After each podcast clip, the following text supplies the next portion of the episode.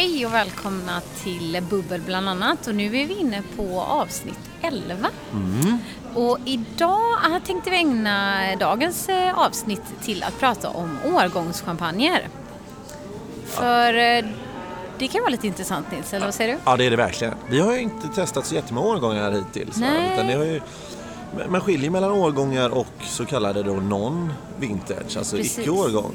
Och då står det ofta NV i stora bokstäver och det betyder non-vintage. Mm.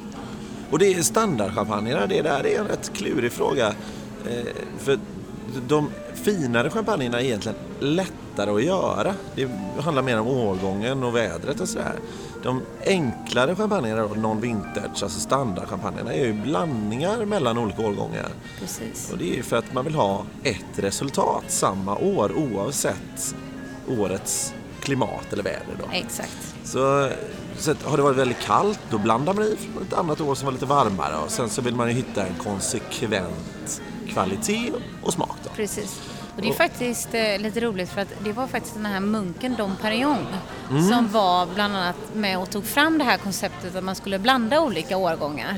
För han insåg ju att man kan inte vara, alltså vädret är ju olika från varje år. Det var det. Det är vad det det är inte så mycket man kan göra åt det. Och han kände att vi kan inte stå ett år och inte kunna producera kanske samma volym och kvalitet på grund av att det har varit ett skitår rent ut sagt.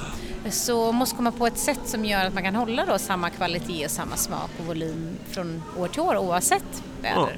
Eh, Och då så kommer han ju på detta fantastiska knep att man blandar olika vintage. Och det är ju till exempel Kryg Grand Cuvée, där kan det vara upp till 20 olika årgångar.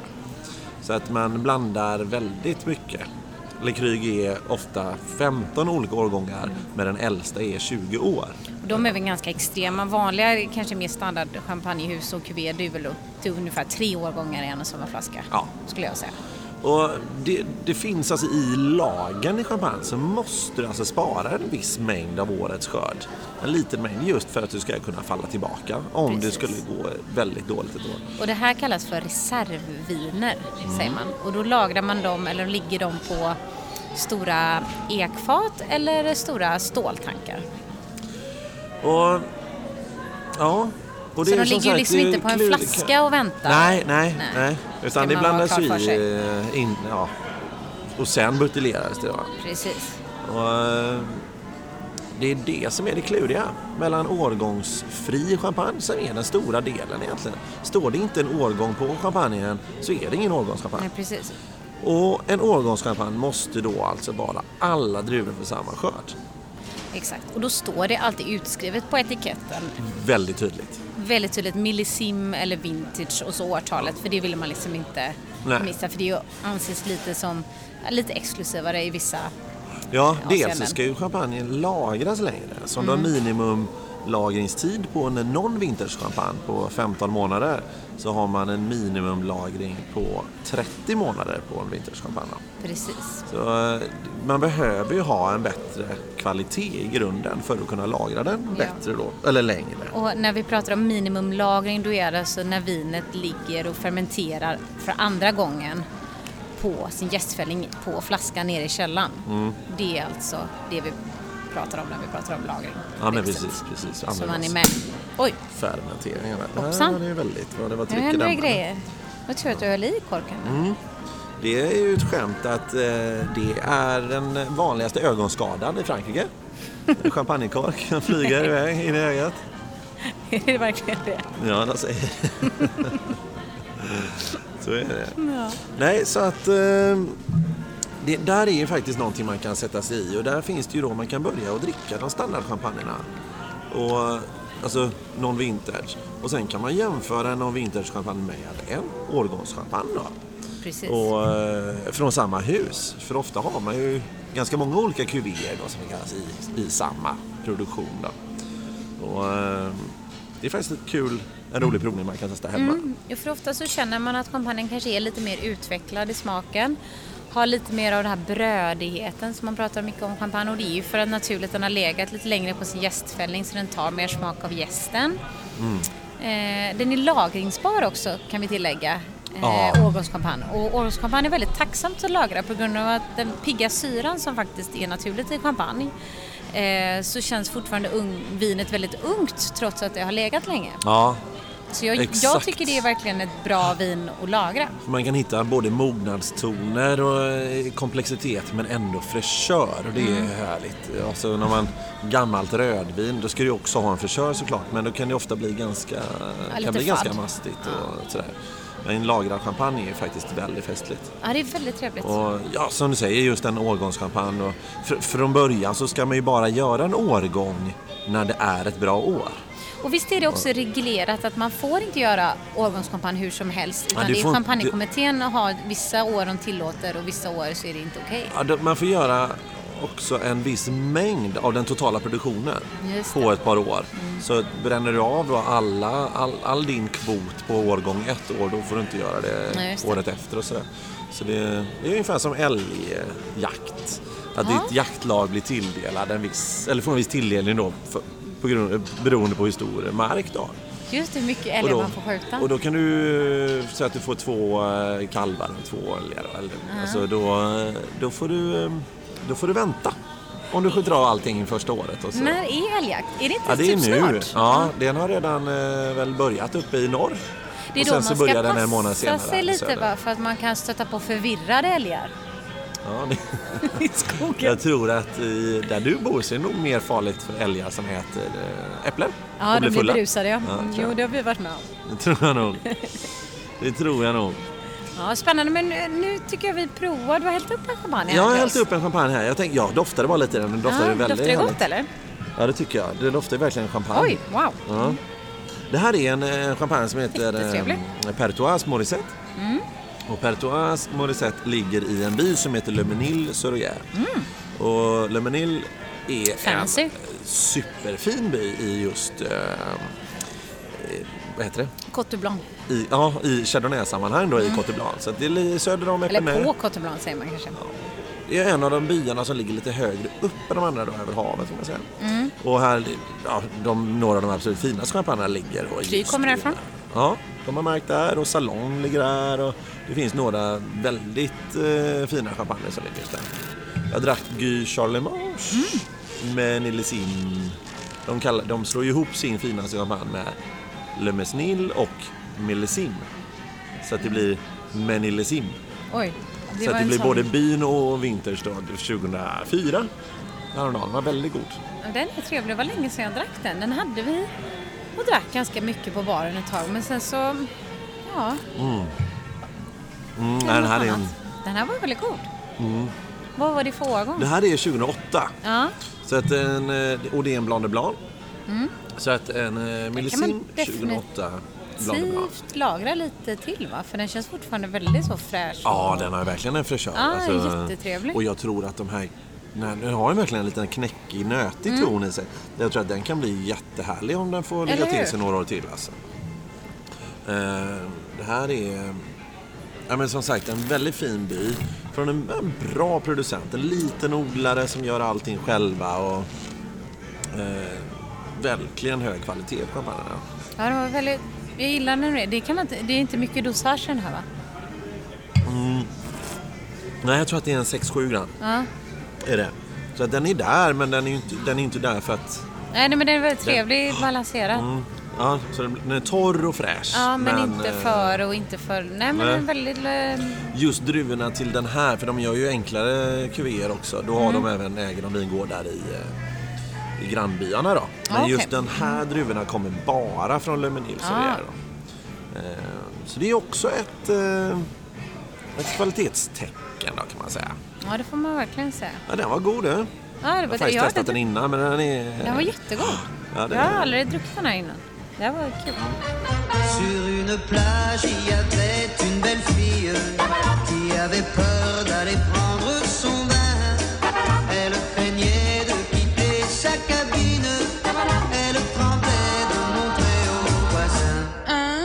Trois. Elle tremblait de montrer. Jag är ju personligen väldigt förtjust i 100% Chardonnay, alltså när det är Blanc de Blanc. Mm. Och just från Lömsnill tycker jag nästan, det är nästan många av mina favorithus som kommer därifrån. Ja, Bland ja, det är annat ju, de gör ju Pierre Peters. Ja, just det. Nej, det är en eh, otroligt härlig by och eh, den gör väldigt bra champagne därifrån. Sen vet jag inte egentligen om byn är, alltså, men det, det är ju någonting med det. Ja, man, det får, ju det man ryser ju nästan lite när man Ja, har, jag blir lite eh, extra till mig när jag får Och när man är där, alltså när man åkt runt i de andra byarna och sen när man är i Lemonil så är den verkligen... Jag, för- jag tycker den var mer stilla, det var lite mer stängt, det var lite mer konservativt. Även att allt är Ja. ganska konservativt så tycker jag där är Extremt, ja. verkligen liksom Känns så här, svårt att komma Så är det in. en skylt på en stor grind så är det salong eller kryg och sen Mm. så är det så här, inte en, en själ så långt ögat kan nå egentligen. För Lite mystik. Där kommer man inte in liksom. Det är väldigt mycket mystik över den ska Ja. Men då kan man ju fråga sig då, eh, där, om vi går tillbaka till årgångar. Finns det precis som i stilla vinsammanhang eh, väldigt bra årgångar? Finns det liksom lite sämre? Hur ser det ut på den fronten? Ja, man det pratar ju det. mycket om så här, ja 2000 bla bla bla är fantastiskt år Ja. i Bordeaux och etc. Är det samma sak i champagne? Nej men det gör det. Det Mm. gör det. Det är absolut. Man kan om man börjar baklänges. Ja. Nu, nu de senaste årgångarna kommer ju inte riktigt än.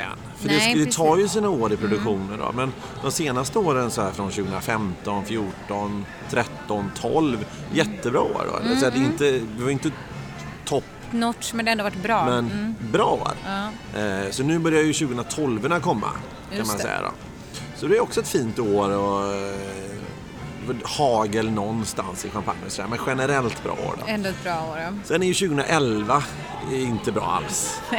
2013 eh, var inte helt hundra heller. Då. Det var mer okej. Men 2011 vet jag, då är ju en del som inte ens producerade någonting. Nej, alltså de precis. valde att Och helt inte utesluta göra det. nästan.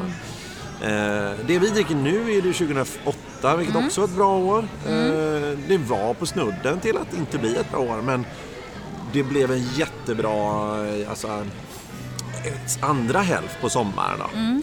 Så, nej, men också bra då. Sen så om man går tillbaka till några riktiga kanonår. Alltså det man fortfarande kan hitta på marknaden så är ju 2006 bra, 2004, 5, 4 bra. 2002 var väl toppen av va? Kanon. Superbra. Och succé innan det är ju 96. Ja, klassiskt. Sen har man 2001 och det, där ska man hålla sig undan. Ja, Det, det, om man hade sett det i en recension i GP så hade det varit en överstruken fyr. ja, det vill vi inte ha. Så, nej, det vill man inte ha. Det vill vi inte. Nej men så de kanon, alltså på, på 100 år så är ju Mm. 2002 och 1996 extremt bra. Super. Ja. Så kan man få tag på en sån så är man glad med andra. Ja, nej men exakt. Och sen innan det så är det 90. är- är bra också. Sen är det lite så halvackligt 91, 92, 93. Mm. Ja, det är lite ojämnare Sådär. förr där ja. Men 90 och framåt 89 också är ganska bra då. Mm, Så att, eh, Undrar hur 86 var när jag är född? ja det, det får vi kolla upp. Ja, det måste vi kolla vi upp. kolla upp. Men och det, sen är det så här att en bra årgång, det betyder inte att champagne smakar exceptionellt bra. Nej. Utan det är en lagring och kvalitetsfråga egentligen. Mm. Så att en champagne från 1996 har mycket bättre lagringspotential än en champagne från 1997. Mm. För att året är mycket sämre. Så det är det som ett resultat av smaken kommer så småningom. Mm. Så dricker du 96 mot 97 då när de släpps tre år efter eller någonting Ja. så är ju egentligen inte skillnaden så markant i sig utan det är ju mer så småningom när, i och med att 97 inte kommer kunna lagras lika länge som 96 Nej, nej, just det. Det är ju egentligen så man får se det. Att, ja. Mer eh, efter en tid. Sen är det såklart en balans i frukt och sötma och eh, mot syran och sådär då. Såklart. Men eh, där är ju en annan, eh, en, En annan, annan. grej kan man säga. Ja, det är intressant. Mm. Det är kul. Har du någon sån här favorit årgångschampagne som du sådär, har du något minne av någon årgångschampagne som du har druckit som bara, ah, det här etsar sig fast, det här kommer jag aldrig glömma. Eh, ja, dels var det ju faktiskt när vi drack eh, Kryg 2002. Just det. Den var ju väldigt trevlig. Och den, det var ju förra året va? Ja, det var förra sommaren. Och den släpptes ju Eller var förra det året. sent förra sommaren var det va? Ja, vi har, vi, de släpptes i maj förra året tror jag och vi drack väl den eh, någon i augusti, september Mm. eller någonting kanske. Eller hur? Och Och det, är, det, det var ju något extremt gott då. Jag kan ju bara tänka mig vad den smakar om 20 år. Ja, just det. Den, sen innan det, vi har druckit någon Fonny 95 Ja, precis. Ja, nej, 96 Ja, det var. 96 var det 96. kanske, ja. Nu 96, det är ett av mina bästa minnen. Det Ja. och sen den Kryg förra året. Ja. Och sen har jag druckit en 96 Bollinger Ané också. Ja, just det. Den fin. var helt magisk. Just det. Helt, helt magisk. Alltså, jag drack Det är nog en mina topp. jag kom på faktiskt som är vansinnigt trevlig. Och det var en Magnum 96. Mm. En Special Club champagne som heter Fresnay Juliet. Och alltså Magnum, alltså champagne lagras ju ja, riktigt bra på Magnum. Alltså Mm. allt vin lagras bättre på Magnum egentligen. då. Men det var ju också, alltså det är ju något speciellt. Ja, det är det. Det blir extra Alltså festligt. 20 år och eh, mycket mys på det. Ja, Nej, det, är inte tråkigt. bra. Inte tråkigt. Nej.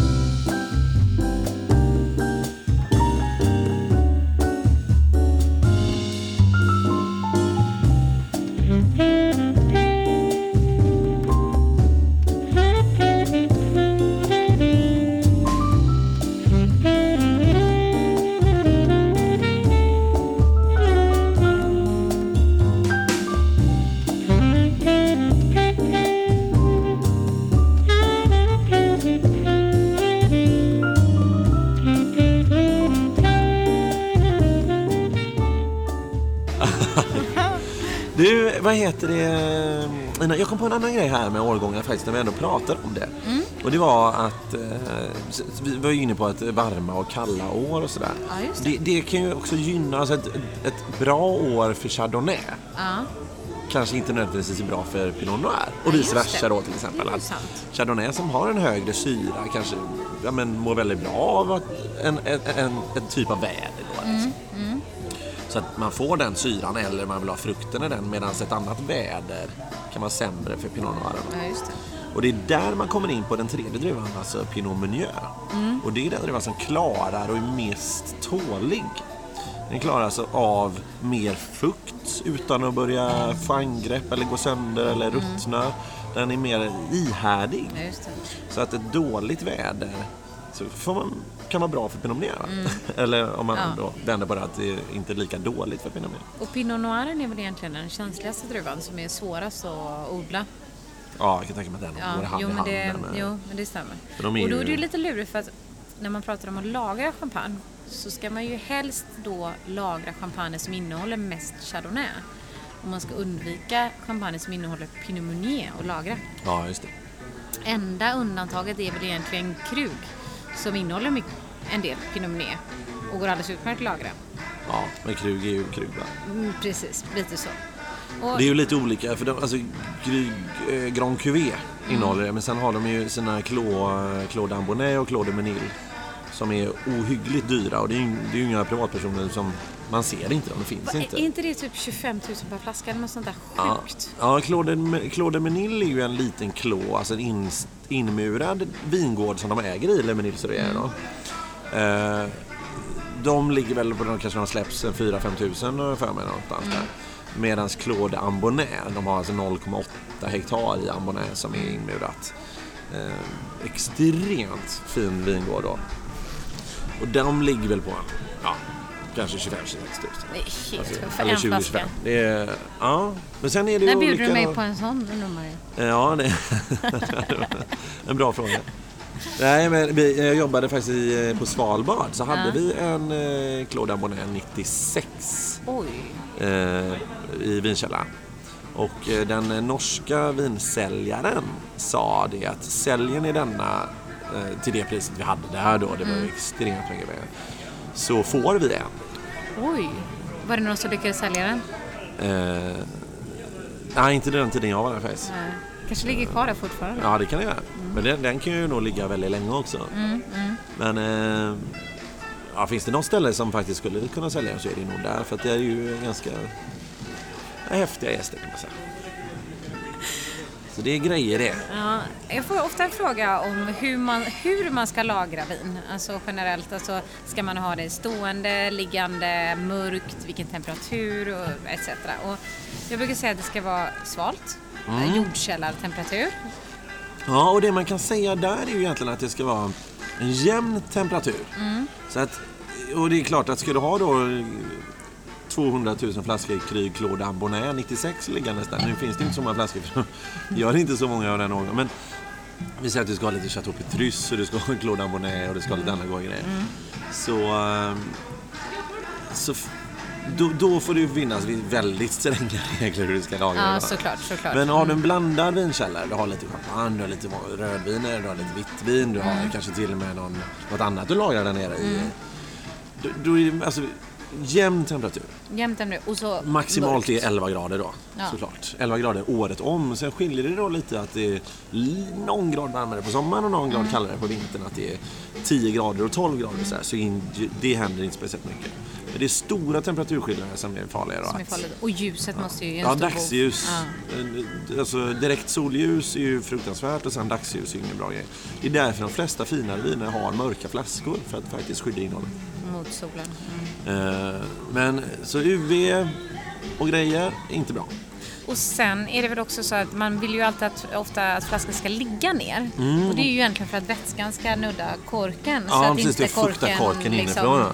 Så- blir, eh, smalnar av och släpper in syre. Men champagne är ju inte lika viktigt för att där är det så Ja, du har ju högt tryck, tryck, på det då. i flaskan. Men det kan ju ändå vara bra att lägga bra. den ner. Alltså det är ju enklare om du har 20 flaskor champagne så är det enklare att lägga dem ner. Ja, och ha precis. överskådlig än att du ställer dem egentligen. Och det, sen, ja, det ligger ju generellt bäst och eh, då får du gärna ligga på något levande material, till exempel trä då. Mm. För det absorberar energi från omvärlden. Så att vet man då i sitt hus eller att man bor i lägenhet att det är en trafikerad väg på ena sidan med bussar eller lastbilar och grejer. Men då kanske man väljer andra sidan i huset där det är mindre vibrationer då. Eh, För det, det är därför inte en vinkyl är bra för lager i. Nej, just det. En vinkyl har ju en fläkt och den går hela tiden. Ja, så det så vibrerar är det- lite. vibrerar så det är ingen bra grej. Så därför finns det ju då, alltså vinkyl är ju snyggt att ha. Det är mer en attiralj. Alltså Ja, det är en accessoar man har i Ja. sitt hem. Och det är en, en schysst snygg detalj att ha för att Mm. hitta en serveringstemperatur. Så att ha det en, alltså en, en, en period i en... Men det, gör- det är ingen bra. Ingen bra Ingen- lagringsgrej. Eh, Då finns det ju vinlagringsskåp och de är betydligt dyrare. Då. Låter avancerat. Nej men så att man kan utgå från ligga ner. Sen så ska du då ha den här optimala, då ska du ha ett våtrumsklassat våtrumsklassat rum. Säger man så? Herregud. Ja. Ja.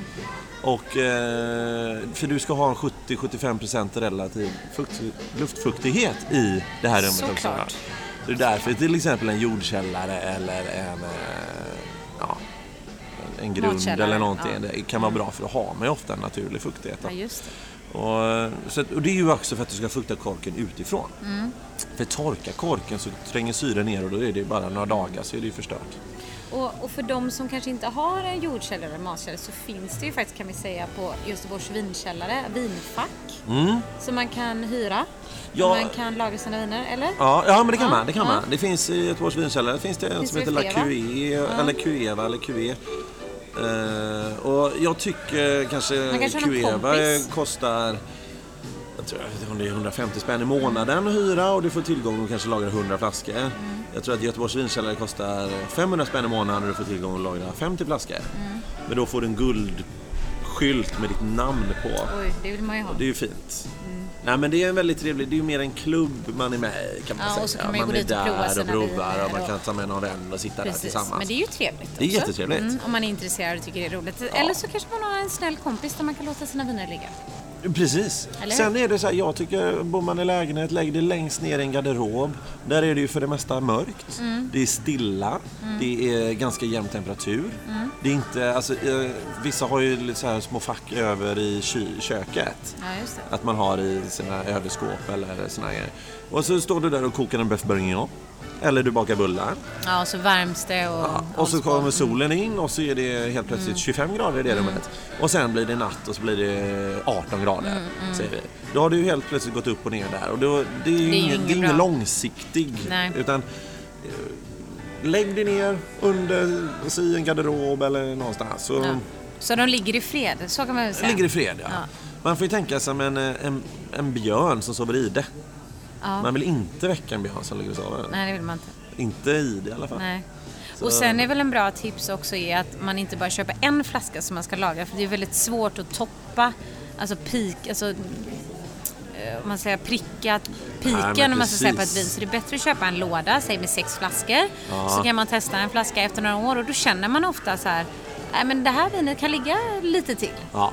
Och så förhoppningsvis så kommer man till det året där det är som bäst. För sen går det väldigt fort utför kan man väl säga för ett vin när det väl har nått sin peak. ja, men precis. Då är det ju en... Och det är ju tråkigt om man då har sparat en flaska säg i 20 år och så öppnar man den och så känner man att nej men den här skulle vi druckit för fem år sedan. Ja. Så är hela kvällen förstörd. Ja.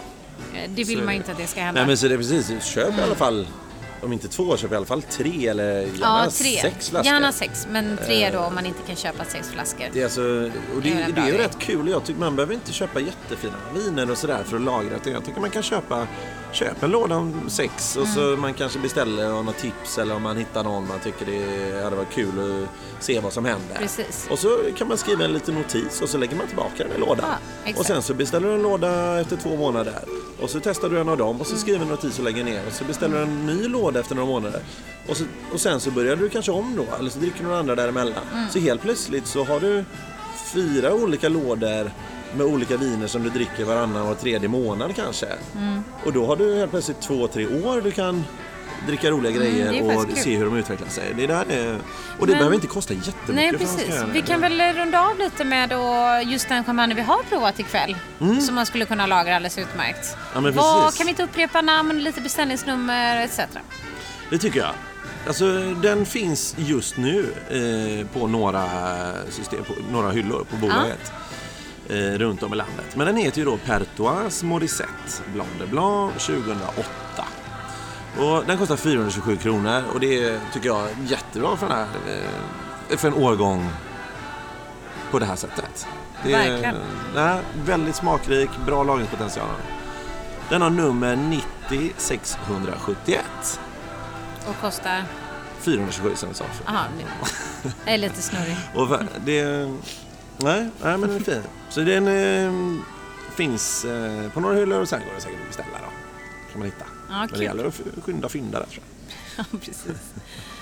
Ja, nej men det, det är väl nog med får nog- information för idag va? Ja men precis, vi kommer nog få fylla i lite mer om årgångschampagne så småningom. Men det. Nu har ni fått ett hum förhoppningsvis i alla fall. Ja, Lite påbörjad kunskap. precis. Hej så länge då! Hej då!